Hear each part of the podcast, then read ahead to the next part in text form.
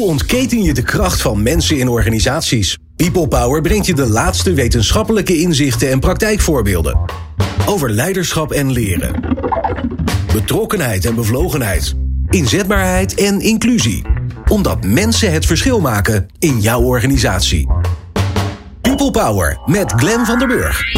Jouw organisatie heeft een prachtige purpose. Honger de wereld uit, of werkgeluk verhogen, of de stad schoonhouden. Maar hoe zie ik die purpose terug op jouw werkplek, in de inrichting van je pand? Voel ik het ondernemerschap als dat in jouw purpose staat, of het plezier of de persoonlijke ontmoeting? Hoe kan de fysieke omgeving bijdragen aan jouw purpose en hoe krijg je dat voor elkaar? De gast Annemieke Garskamp, is workplace consultant bij het mooie bedrijf Steelcase. En René de Bo is de gast, partner People and Change bij KPMG, waarmee we deze uitzending samen maken. Fijn dat je luistert naar People Power. People Power met Glen van der Burg. René en Annemieke, leuk dat jullie er zijn. Uh, ja, een van mijn favoriete onderwerpen. Ik zal er maar eerlijk in zijn. Ik vind het echt briljant interessant uh, hoe dit allemaal werkt. Dus uh, dat gaan jullie ongetwijfeld merken. René, ik begin bij jou. Uh, jij houdt je uh, dagelijks bezig met allemaal prachtige verandertrajecten bij, uh, bij grote klanten die daarmee bezig zijn. En daar is altijd heel veel aandacht voor in zo'n programma voor het cognitieve. Hè? Dus dan, dan gaan we sessies doen en dan gaan we praten met elkaar. En dan gaan we misschien met een beetje mazzel nog iets op geeltjes of flip-overs. Ja, ja, zeker. Ja. En, en dan wordt het natuurlijk gecommuniceerd over de verandering. Ja. Dus dan krijgen we posters en mails en video's, video's, en zo. Blogjes, ja, allemaal taal.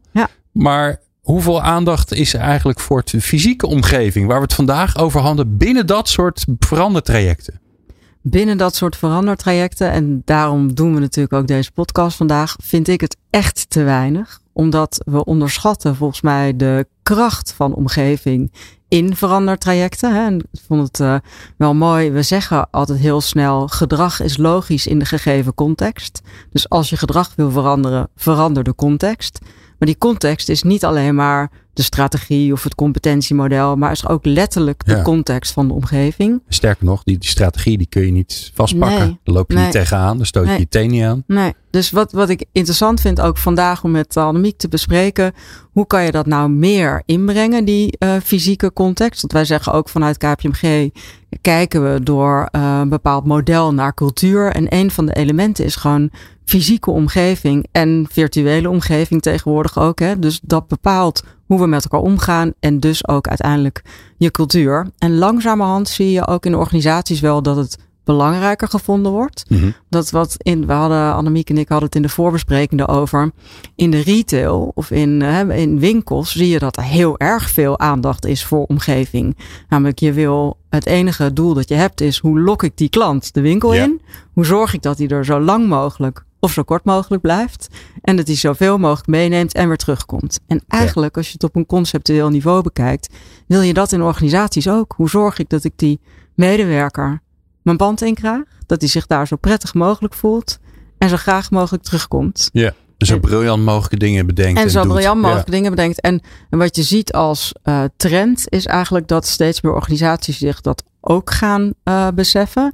En daarom eigenlijk meer experience uh, managers in, in dienst krijgen. Veel meer gaan kijken inderdaad naar die end-to-end experience. En je ziet ook in onderzoeken dat medewerkers dat ook eigenlijk meer gaan vragen van hun organisatie. Dus die willen eigenlijk de consumentenervaring die ze thuis met een uh, Coolblue of uh, bij de Bijenkorf hebben, ook tegenkomen bij hun organisatie. Dus daarom dacht ik een heel uh, on-topic uh, onderwerp. Ja. Annemiek, ga je een moeilijke vraag stellen. Die is namelijk veel te groot, maar je hoeft ook niet alles te beantwoorden. Maar ik ben zo benieuwd naar, uh, naar onderdelen ervan. Die fysieke omgeving, hoe, hoeveel invloed heeft dat dan op ons? Hè? In, hoe, hoe, ja, hoe bepaalt het eigenlijk hoe we ons gaan gedragen? Oh. Ja, het is inderdaad een hele, hele brede vraag.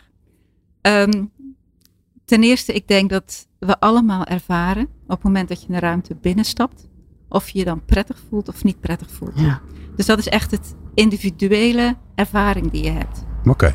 En uh, daar kunnen we wat verder uitdiepen. De andere kant van die ervaring van die werkomgeving is ook, je organ, is ook de organisatie. De organisatie heeft een kantoor of een werkomgeving waarin mensen kunnen werken met een bepaald doel. Okay. En hoe kun je die werkomgeving nou zo maken dat het de mensen ondersteunt in wat ze doen, maar ook het doen op de manier die past bij de purpose, het doel Hm. van wat je wilt doen als een organisatie. Dus dat zijn eigenlijk twee gebieden. Ja, dat is een mooi antwoord. Dus enerzijds gaat het over het gevoel wat mensen krijgen. Ja. En anderzijds gaat het over de dingen die ze in, dat, in die fysieke omgeving doen. Of dat nou ondersteund wordt, de juiste kant op geduwd wordt. Laten we eens beginnen bij dat gevoel. Want dat is het grappige is natuurlijk.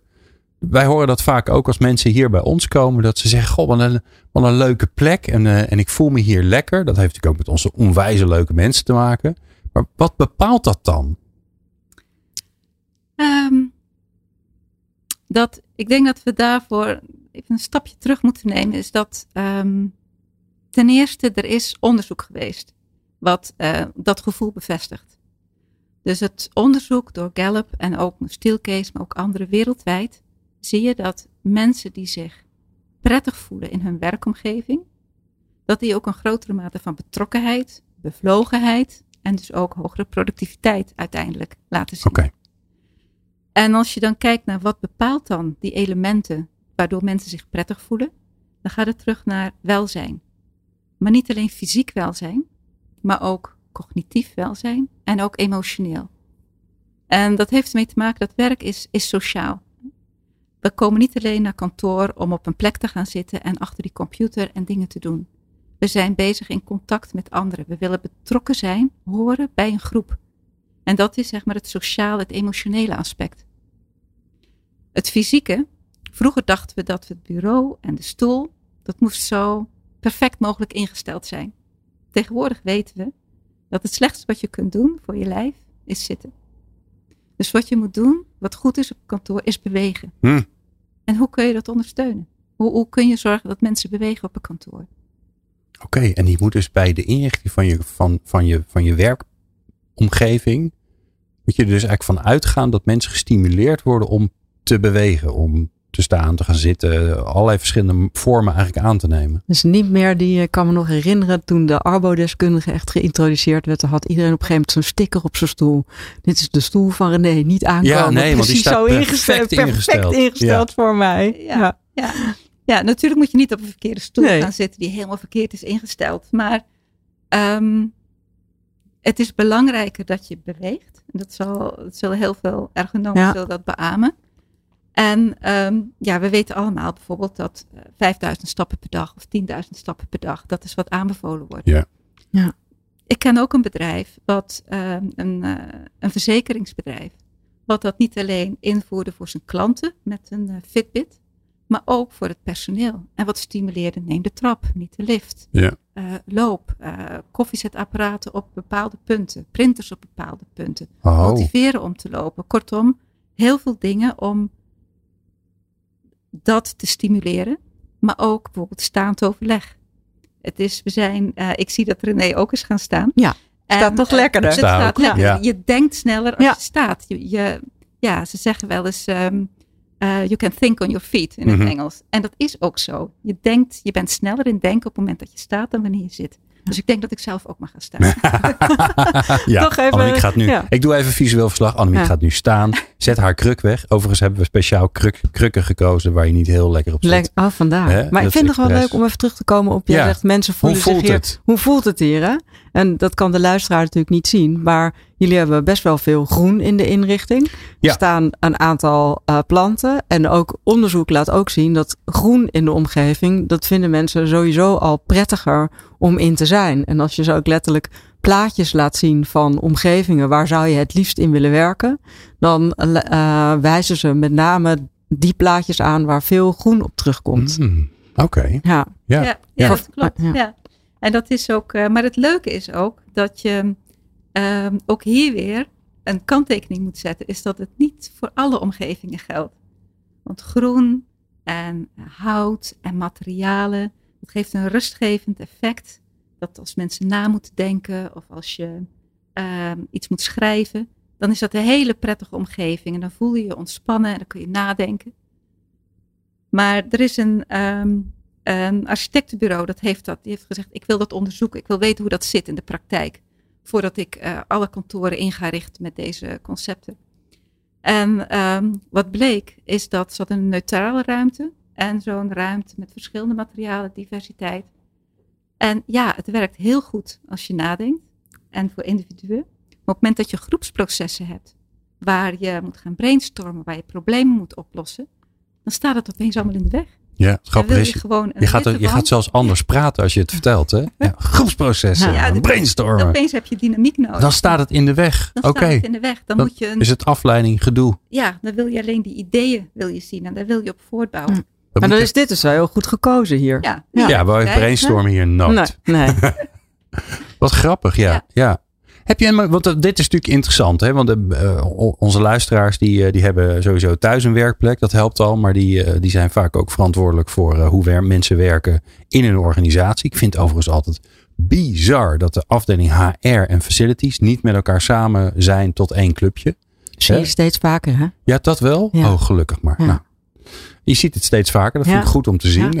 Ehm, maar ehm, zijn er meer van dat soort interessante vuistregels, eh, invloeden van fysieke omgeving op het gedrag van mensen? Dat je zegt van, nou, weet je, stel je voor hè, dat je eh, een organisatie hebt die, ehm, eh, die heel erg bezig is met het welzijn van mensen. Hè? Heel- een zorgorganisatie of zo. Wa- wa- Wat voor, wat voor dingen zijn er dan waarvan je denkt van, nou, dan moet je dat in ieder geval niet doen en dan moet je dat in ieder geval wel doen? Of is het dan te makkelijk? Ja, nou, er zijn wel voorbeelden dat ehm, het, is, het is altijd, je moet het altijd met een korrel zout nemen, dat je het nooit één op één kan toepassen. Ehm, maar als je ehm, hebt over zorgelementen, dan een element van zorg gedurende de dag dat je werkt, is je hebt nooit één niveau van concentratie. Nooit, je gaat door de dag heen, momenten dat je je heel erg goed kunt concentreren. Momenten dat je misschien net een drukke vergadering hebt gehad, dat je even een, een dip hebt. Dan moet je ze weer herstellen. En zo ga je door die dag heen. Dat zijn soms kleine, soms grote pieken. En in feite denken mensen dat je kantoren moet faciliteren op de toppen van die concentratie. hè? Dus op de dynamiek, op de, eh, het goed kunnen concentreren. Maar het juist ook faciliteren van die dips. En mensen de, zodat je de mogelijkheid hebt om door zo'n dip heen te gaan. We weten allemaal dat ehm, een powernap van 10 minuten doet wonderen. Dan hoef je geen powernaps en slaapkamers in te richten. Maar wel een ruimte waar je even terug kan trekken. Dat je even, ehm, hoe heet dat, even kunt mediteren. Of gewoon even rustig een boekje lezen. Of even naar buiten kijken, wat dan ook. Dat helpt je om gewoon weer voor te bereiden op de volgende. Dus dat stuk binnen, het, ehm, zeg maar binnen de werkomgeving is vaak nog onderbelicht. Ja, en ik hoor je eigenlijk ook zeggen, als je dus de hele dag op dezelfde plek zit, in dezelfde ruimte, dan is het eigenlijk per definitie verkeerd. Omdat je die, die, nou, je hebt die verschillende werkactiviteiten die je hebt, maar je hebt ook de verschillende energieniveaus. Dus als je altijd achter hetzelfde bureau zit, Ja. in dezelfde ruimte, ja, dan, Dan dan krijg je dus dat je een dip krijgt. En dan Ja. krijg je de, je middagdip. En in feite wat je dan doet, is dat je je, je werkplek maak je een soort Zwitserse zakmes. Hm? Dat moet alles kunnen. Ja. Terwijl in feite doe je heel veel verschillende dingen in de dag. En je ziet ook meer en meer eh, organisaties die niet meer alleen naar dat bureau kijken als werkplek, maar juist ook veel meer naar al die andere activiteiten en al die andere dingen die gebeuren op kantoor en dat te faciliteren. Zeker na de pandemie. Zeker nu we weer terugkomen naar kantoor. Dus ik dat ervaart, nou, wat ik daar wel interessant aan vind, dus ik zit even te reflecteren van eh, toen we nog in de lockdown zaten en dat je dan de hele dag achter je bureautje zit. Dat ik echt regelmatig dacht, ik moet even opstaan en gewoon letterlijk een rondje om dat bureau heen lopen om een soort change of frame te creëren.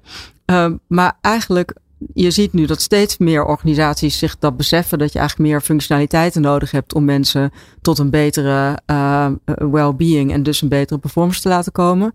En toch zie je ook nog een soort terughoudendheid. Hè? Ik zie, wij hebben bij KPMG zijn we uh, ook het gebouw helemaal aan het um, aanpassen eigenlijk op uh, clubhouse uh, concept noemen we dat dan. Dus waar je beter kan samenwerken, waar er echt plekken zijn voor concentratie, maar ook plekken om even inderdaad rustig op dat bankje te zitten. Maar op dat bankje gaan zitten, dat zit nog niet in onze default systeem. Ja, ja. Mag ik nou wel tijdens mijn kantooruren op een bankje zitten? Hè? Dus hoe kun je nou mensen ook echt helpen en uitnodigen dat dat gewoon oké okay is? En eigenlijk misschien zelfs wel beter voor uh, wat je daarna weet neer te Ja. zetten. Ja, ik, Dus- blij- ik vind het wel grappig dat je dat zegt. Ik blijf het fascinerend vinden. Hè, los van het feit dat, dat we zo, nou ja, Annemiek niet, maar de, de gemiddelde mens zo weinig afweten wat die fysieke wereld met, met, met haar of hem doet. Ik vind het ook altijd fascinerend dat we eigenlijk dus niet zo goed weten hoe wij in elkaar steken. Dat zo'n zo'n moment even niks doen. Ja. Of nou, wandelen is ook zo'n.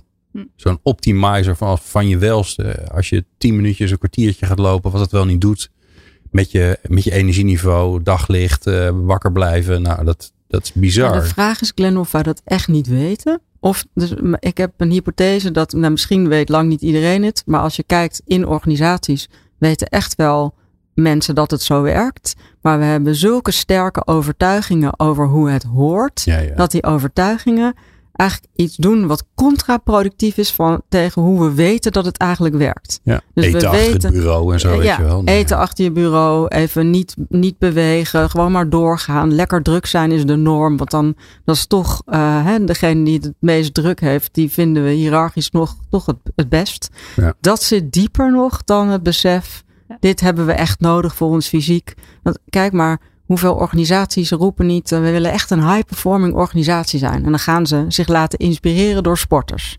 Maar een echte sporter, wat doet hij? Is trainen eh, en rusten en een wedstrijd spelen. Maar dat rusten is echt waanzinnig veel rusten. Ja.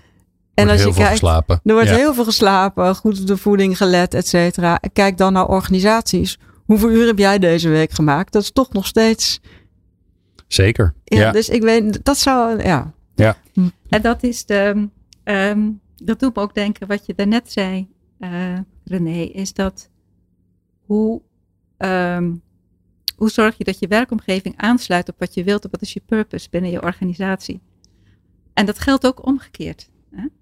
Want je kunt allerlei dingen doen in een werkomgeving, zoals die bankjes neerzetten of eh, meditatieruimtes. Of dat, als mensen niet de, als je niet de vrijheid voelt Ja. om dat te gebruiken, als je geen voorbeeld hebt, als dat niet in de cultuur van de organisatie zit, ja, dan is het eigenlijk Gaat het niet weggegooid. werken. Dan gaat het ook niet Ja. werken. En dan werkt het misschien zelfs ehm averecht. averechts, ja, want Ja. dan krijgen mensen gemengd, dan krijg je gemengde berichten Ja. binnen. Dus dat is die, die afstemming. Dus van wat, waar wil je naartoe? Wat vind je belangrijk? En hoe gaan we dat faciliteren? Om Ja. dat samen op te laten trekken met je verandertraject. Is uitermate belangrijk, want anders ga je twee kanten op. Ja. En dus aandacht besteden aan geef mensen permissie. Ja, gaan heel expliciet permissie om te gebruiken wat je voor context je hebt neergezet. Ja, en walk the talk. Ja. Dat is, eh, ja, gebruik het. Annemiek, we hadden het net al even over groen. Ja. Eh, in de zin van eh, groen als kleur, maar zeker vooral groen in de, in de vorm van planten. Hè? Ja. Wat, wat dat met mensen doet. Jij noemde, noemde daar gelijk hout en andere natuurlijke materialen bij. Dat doet blijkbaar iets met ons. Als ik nou het tegenovergestelde wil. Ik wil de energie eruit laten spatten gewoon. Dus ik wil echt eh, nou ja, de meest eh, onrustige ruimte die je maar kunt bedenken. Wat is, de, wat is de andere kant van het spectrum? Wat doe je dan? Eh, wat, wat wil je doen in die ruimte, Glenn? Ja, ik wil dat mensen echt, eh, echt maffe ideeën krijgen. Dus niet gewoon maar braaf brainstormen, maar echt gewoon, er is geen box. Eh, hoe gekker, hoe beter. Oké. Speels. Nou, wat we, ehm, wat we dan, wat je dan kunt doen, is zeg maar je, je ruimte hacken. Net zoals je dat eh, bij eh, software of iets anders doet, is dat je mensen een ruimte geeft. En je geeft ze een kit of parts, een, een meubilair. Oké. Dingen die verrijdbaar zijn. Allerlei soorten tools als eh, whiteboards, dingen die, eh, die je kunt eh, verhuizen, eh, schermen. En je geeft ze de mogelijkheid om zelf die ruimte in te richten en te doen hoe ze dat willen. Ah. En te gebruiken hoe ze het willen. En dat is, ehm, ja, dat is op verschillende manieren getest. Het is, het is getest bij, bij studenten om te kijken hoe effectief ze zijn. Dat is al jaren geleden en dat werkte echt, het werkt echt ontzettend goed.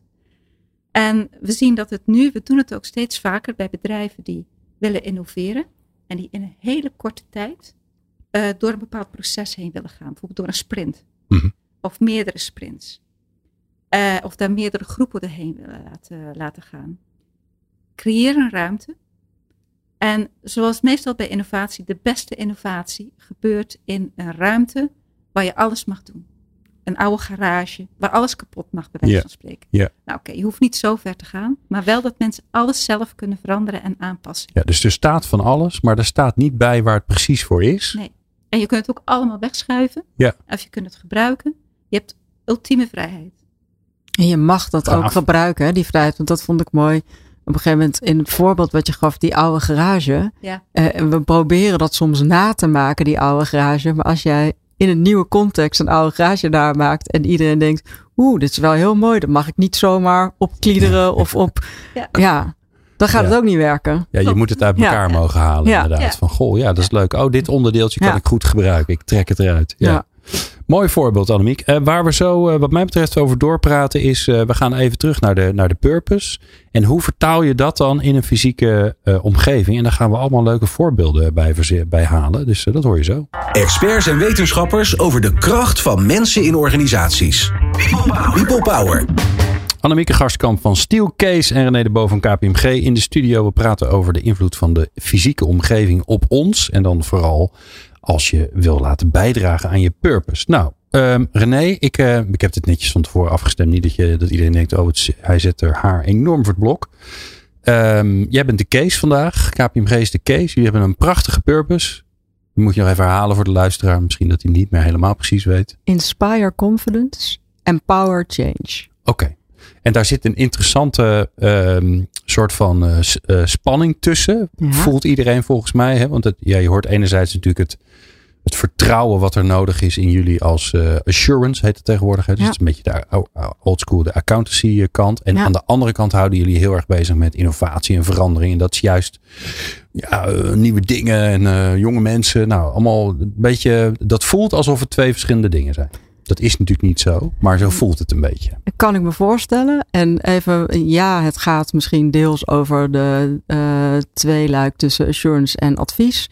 Maar ook in adviesopdrachten zie je natuurlijk dat je eerst die inspiring confidence moet doen van wat is hier nu eigenlijk aan de hand? Wat willen we met elkaar bereiken? En hebben wij vertrouwen in KPMG en in onszelf dat we deze verandering aankunnen?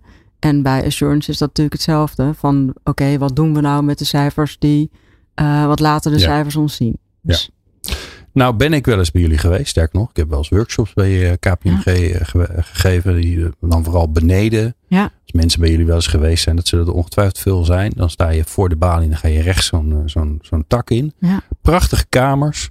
Hele mooie houten tafels. Echt prachtig hout. Hè? Dus voor de natuur, natuurlijke materialen die zijn gefixt. Maar die dingen zijn niet van hun plek te krijgen. Heel groot. En ze stralen heel veel autoriteit en ehm, formaliteit, ook uit. ja, ja. Niet zo toegankelijk, zeg Nee. ik dan maar even. En dan was je eerst nog door die hal gekomen. Die hele, Hele grote, grote, hoge hal, ja. hoge hal. Dat je denkt, hoe overweldigend. Dat had ik ook de eerste keer dat ik binnenkwam.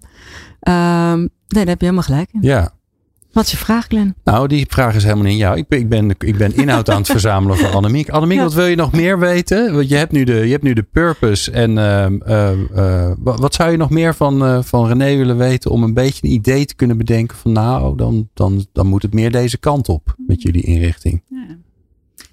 Nou, wat, we- om van een purpose naar een werkomgeving te gaan, moet je door de manier waarop mensen werken gaan. Want je kunt als een, een kantooromgeving, kan je ondersteunen hoe mensen werken, of hoe je wilt dat mensen werken, of hoe je wilt dat mensen samenwerken. Wat voor processen, wat voor gedrag hangt eraan dat inspire confidence en power change? Want ik vind hem heel interessant, Ja. want jij ziet een tegenstelling Nee, Ik jij, zie een continuum, ja, Ja. ja. Dat zie ik ook. Ehm, wat voor gedrag hoort daarbij? Nou, misschien ook al iets meegeven over waar we nu mee bezig zijn. Want je ziet ook gegeven eh, de context en wat we bij andere organisaties zien. Wij zijn ook echt onze eh, omgeving aan het veranderen. Eh, om echt te kijken van hey, hoe kunnen we onze kantoren veel meer een soort clubhouse maken. Waar we verschillende modaliteiten hebben voor samenwerken of alleen werken. Dus we hebben een aantal jaar geleden eh, al eh, een, een, een sportschool gekregen. En echt heel actief promoten we dat om ook onder werktijd gewoon klasjes te doen. Om echt te kijken van, hé, hey, misschien moet je na de, na de lunch gewoon eventjes uh, bewegen om weer de volgende fase in te gaan. We hebben uh, inmiddels een soort insight center, waarbij we inclusief klimmuur en uh, prachtige schermen om daar de laatste technologische snufjes te gebruiken om dat inspiring confidence te doen.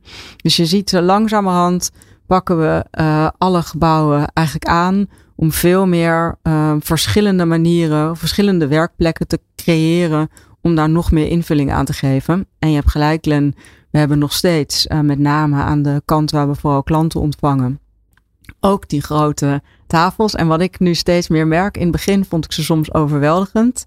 En tegenwoordig realiseer ik me, die hebben ook hun functie. Hè? Dus voor bepaalde meetings met uh, klanten, als je wat autoriteit wil uitstralen of vertrouwen wil uitstralen van net deze organisatie, die begrijpt me en die, dan komt het wel goed. Helpt zo'n zo'n grote houten tafel eigenlijk enorm. Ja. Dus Ja. het is ook echt naar Annemiek de punt. Welk gedrag wil je zien? En welke omgeving hoort daarbij? En hoe kan je dat dan ehm nou, het best creëren? Ja, en kijk, jullie doen al heel veel dingen. En jullie zijn er natuurlijk al een hele poos mee bezig. En ehm, normaal gesproken, tenminste in een traject, zouden we eerst eh, om de tafel gaan zitten met jullie. En eh, om dieper te gaan bepalen welke processen wil je naar de toekomst toe, welke gedragingen, cultuur eventueel veranderingen, om zeg maar die, die purpose, die komt niet uit de lucht vallen. Nee. Die purpose is verbonden aan de strategie.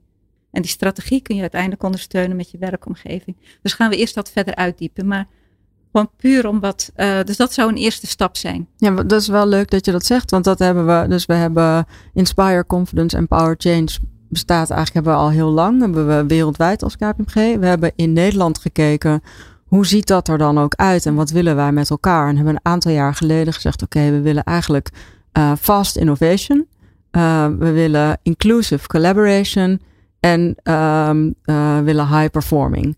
Dus dat zijn eigenlijk de cultural attributes waar Ja. we graag op inzetten. En dat zie je ook echt wel terug in de omgeving. Dus je hebt plekken zoals wat ik zei over zo'n insight center met een klimmuur. En dat je op de muren kan schrijven. En uh, hele uh, geavanceerde schermen waarvan alles uh, op kan.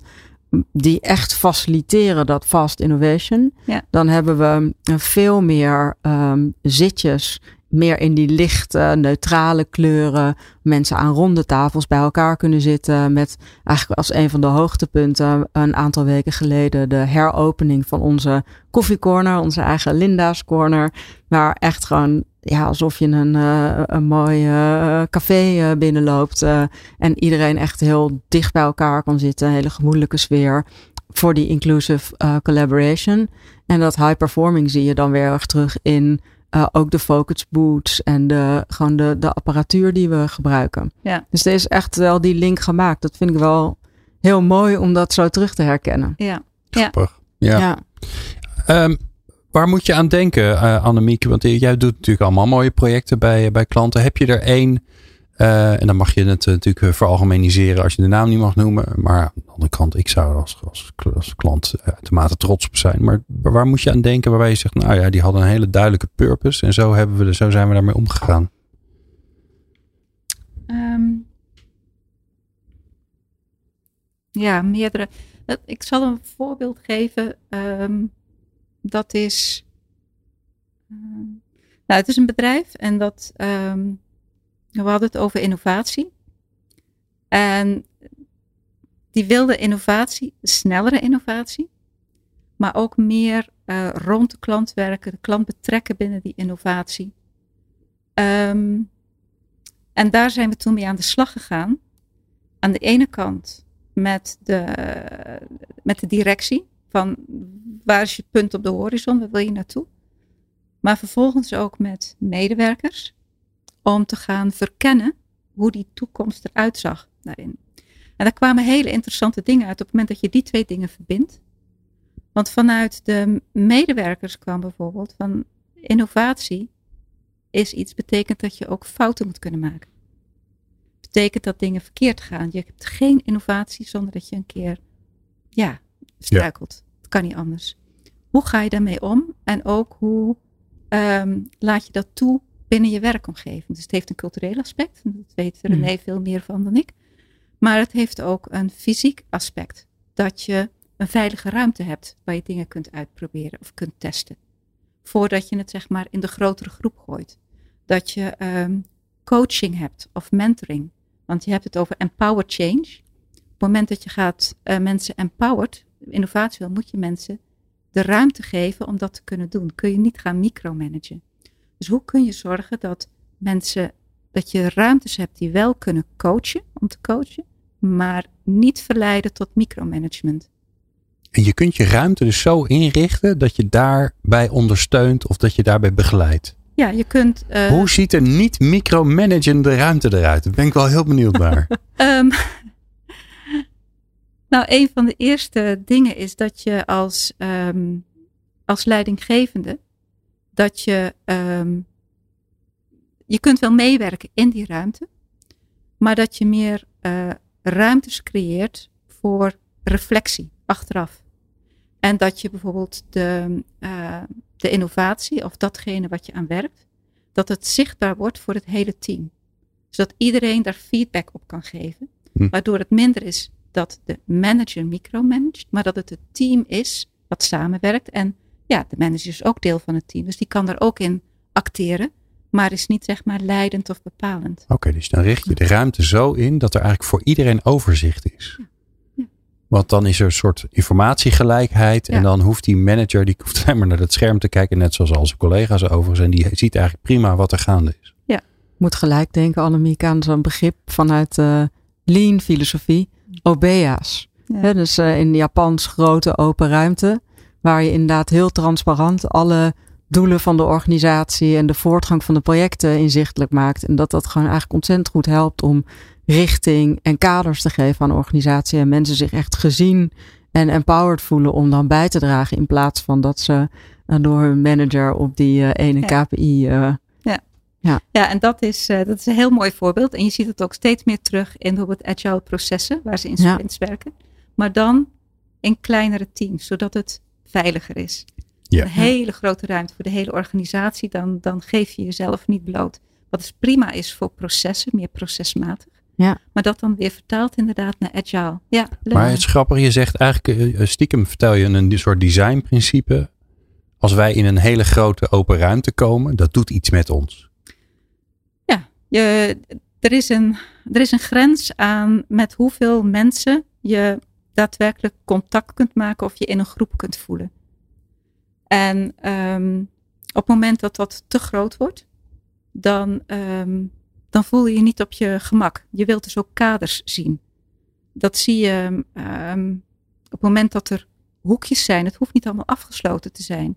Maar dat je zichtlijnen en je akoestische lijnen, dat dat zeg maar doorbroken wordt. Dat je een, een, zeg maar een, een, een veilig gevoel creëert in de hm. ruimtes.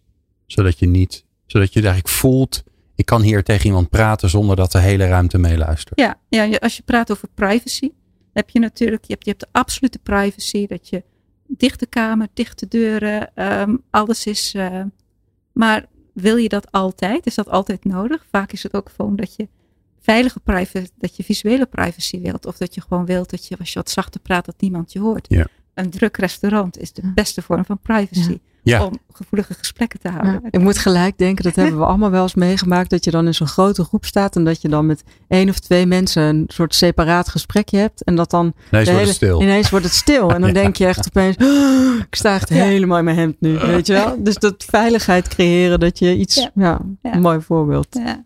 Dus dat, mooi. Um, we gaan naar het laatste blokje zo. En dan gaan we het hebben over hoe we dit uh, praktisch kunnen maken. Zonder dat we gelijk het hele pand gaan verbouwen. Want ik kan me voorstellen dat je dat nou net niet in je budget had opgenomen voor dit jaar. Dat hoor je zo. Hoe ontketen je de kracht van mensen in organisaties? People Power. People Power. Annemieke Garskamp van Steelcase en René de Boven van KPMG. Uh, eh, ja, de fysieke omgeving heeft veel invloed op ons in hoe we ons werk doen, hoe we ons voelen op ons werk. Niet geheel onbelangrijk in deze tijden van enorme krapte op de arbeidsmarkt. Uh, maar zeker ook uh, ja, om, uh, om, om bij te dragen aan, die, aan dat grotere geheel, aan die purpose. Nou kan ik me voorstellen dat je denkt, ja, leuk en aardig allemaal. Maar wij hebben net twee jaar geleden nieuw meubilair en nieuwe kleurtjes op de muur. Dus ik krijg nu niet de handen op elkaar om de boel weer te gaan verbouwen. Maar het is eigenlijk wel nodig. Wat kan je in het klein doen, Annemiek? Zonder dat het gelijk, dat iedereen denkt, wat ben je hier aan het doen met die sloophamer? Nou, ik, denk dat, uh, ik denk dat het heel goed is voor iedereen, elk bedrijf, om regelmatig te blijven experimenteren. Want je kunt je kantoor perfect inrichten op de situaties zoals dingen vandaag zijn. Maar we weten allemaal dat situaties veranderen. En alles is altijd in beweging. Dus een meer iteratieve benadering, waardoor je regelmatig dingen kunt aanpassen en ook zeg maar, onderzoekt, is eigenlijk heel positief. Dat houdt mensen ook betrokken bij je werkomgeving.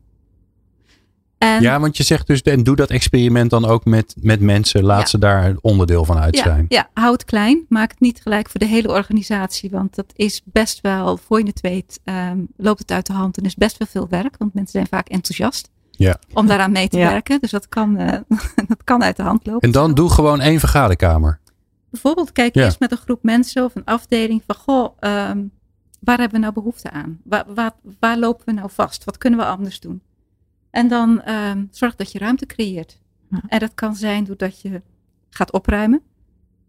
Oh. Kantoren zijn echt vergaarbakken van het verleden. Ja. Dus gewoon echt kasten weg. Eh, die zijn tegenwoordig toch bijna niet meer nodig. Ja. Maar ook meubilair wat je niet gebruikt. Hebben dat nog nodig? Kijk, dus eerst ruimte creëren. Of een, wat je zegt, een vergaderkamer die een ander doel geeft. En dan kun je heel veel dingen doen. Je kunt, als je het heel simpel houdt, kun je gewoon meubilair weghalen. En met wat planten of een stukje maken, een ruimte, waar je bijvoorbeeld kunt brainstormen met elkaar. Waar je al de ideeën van de, van de afdeling opplakt. Of waar je mee bezig bent. Waar je een soort OBEA-bord van maakt voor die organisatie, voor, voor je team. Je kunt een, um, um, in die ruimte kun je een, een zitje maken. Met wat zeteltjes. Gewoon andere zithoogtes. Niet alleen maar dat bureau, maar ook lage zit. Uh, introduceer een vergaderkamer waar je staand gaat vergaderen. Misschien zelfs wel zonder tafel. Dus wat zien, kijken hoe dat werkt, hoe dat, uh, wat dat mensen stimuleert. En dan betrek mensen er ook bij en vraag ook feedback. En dan, dan krijg je vanzelf, soort, ja, ja, dan krijg je dat mensen gaan denken van mijn werkomgeving heeft impact op hoe ik werk. En als ik invloed heb op mijn werkomgeving, dan ben je daar ook meer bij betrokken. Dan wordt het ook leuk. Hoe mooi is dat, ja. Ja, en ik, ik kan me ook voorstellen, hè, want dit, dit vind ik heel mooi, want dan ga je ook kijken wat het effect is op mensen. En dan krijg je een soort inderdaad experiment waar je van je gaat leren. Ik kan me ook voorstellen, had ik zelf een keer, ik zal het niet uh, helemaal noemen wat het was, want dat is een beetje onaardig. Maar er was een, een organisatie en die had in hun purpose joy staan. En ik had daar een afspraak en de mensen waren heel leuk. Um, maar de omgeving die daar sprak echt totaal geen joy uit. Het was echt allemaal afwasbaar. En, uh, en weet je, het was echt voor de, voor de nut en het noodzaak neergezet. Zeil op de grond en zo'n afwasbare tafel en nepkunst aan de muur. Dat ik echt dacht, jeetje jongens. En daar kan ik me ook wel voorstellen, toch? Dat je gewoon, dat je gewoon kijkt naar de elementen van je purpose. En dat je rond gaat kijken en denkt, waar, waar zie ik het? Maar het is toch interessant, hè? Waar jij begon helemaal aan het begin van de uitzending met, uh, er is zo weinig aandacht uh, voor. En dat mensen dus wel tijd investeren om zo'n purpose te ontdekken. Zeker. En zich dan niet beseffen dat het echt in alles uh, doorgaat. En dat ons gedrag zo beïnvloed wordt door dingen die consistent en consequent zijn. En dat er een dissonantie ontstaat tussen de omgeving en de purpose. En daardoor die purpose ook niet meer serieus genomen wordt. Ja. Dus ik vind ja, het en Dat, en dat allemaal onbewust. En dat al, nee, ja, bij, dat zeg ik. Dus ja, ja, inderdaad. en dat allemaal... is ook wel eens een keer, je kunt er niet tegenop praten. Nou ja, of onbewust. Ja, inderdaad, je kan niet tegenop praten. En het is waarschijnlijk ook van de mensen die daarover na hebben gedacht, niet de intentie dat uh, dit het effect is. Maar ik vond het mooi wat Annemiek zei. Begin nou met uh, wat is de behoefte? Dus wat willen we meer uitstralen? Wat zouden we meer willen faciliteren? En ik moest denken toen je de vraag uh, stelde aan een klant die ik ooit had. Die zeiden, ja, we willen meer uh, klantvriendelijk zijn. Want we hebben eigenlijk heel veel achterstanden. En uh, het gaat helemaal niet goed. lage klanttevredenheidscijfers. Dus we hadden een achterstandenteam in, in werking gezet. En hard met inderdaad procesverbeteringen aan de slag. Zei maar, wie zijn eigenlijk jullie klanten? En, en waar kan ik ze hier in de omgeving zien? Want het is toch als je getriggerd wordt, hè, we worden getriggerd door visuals, door beelden. En daar maken we dan weer verhalen bij, daar krijgen we een gevoel bij. Dus als je je klant zichtbaar maakt, dan weet je ook waar je het voor doet. En dan loop je een stapje harder. Dus toen zijn we letterlijk inderdaad naar jouw punt, Annemiek, met uh, alle mensen die daar werkten gewoon gaan kijken. Hey, waar hebben we mooie foto's van mensen die lijken op jullie klanten of echt jullie klanten zijn. En toen hebben we een hele klantenmuur gemaakt met uh, foto's. En vervolgens zei van ja, maar hoe kunnen we nou eigenlijk nog beter die klant bedienen? Wij moeten samenwerken in dit proces om die klant te servicen. En de mensen met wie ze moesten samenwerken waren verdeeld over drie verdiepingen. En wij als consultants hadden sneller in de gaten met wie ze al moesten samenwerken dan zij zelf. Want de grap is, ook al is misschien uh, een trap op en af qua meters evenveel als dat ik naar links of rechts moet lopen. Maar mensen gaan niet de deur uit naar het trappenhuis, pakken de lift om hun collega's op een andere verdieping te nee, bezoeken. Nee, sturen wel even een mailtje. Die drempel is zo hoog. Dus als je dan uh, je iets aan je omgeving wil doen, creëer inderdaad ook plekken waar je gewoon kan samenwerken, fysiek samen kan zijn. Dat heeft en het gevoel van team en verbinding uh, uh, verbetert dat en gewoon daardoor ook echt de uitkomst. Mooi, mooi voorbeeld.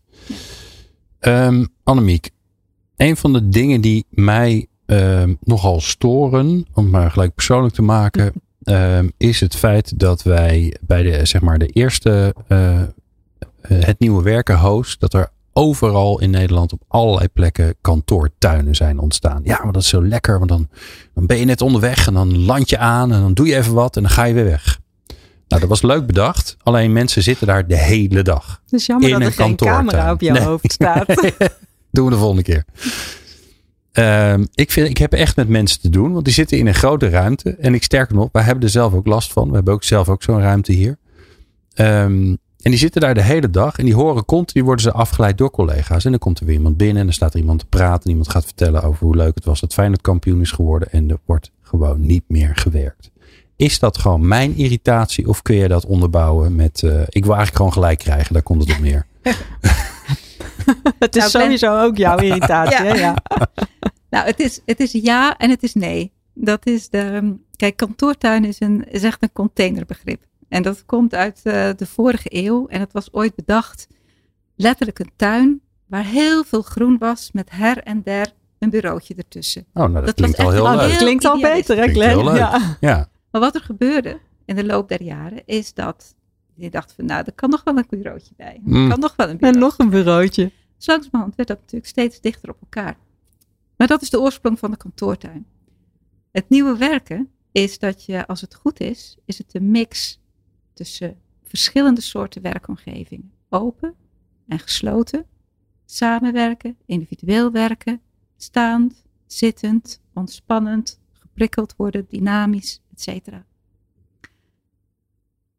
Ik denk wel dat we in de loop der jaren er steeds meer achter komen dat um, de prikkels die mensen binnenkrijgen gedurende de dag op kantoor, dat die ook impact hebben. En op de een persoon meer dan de ander.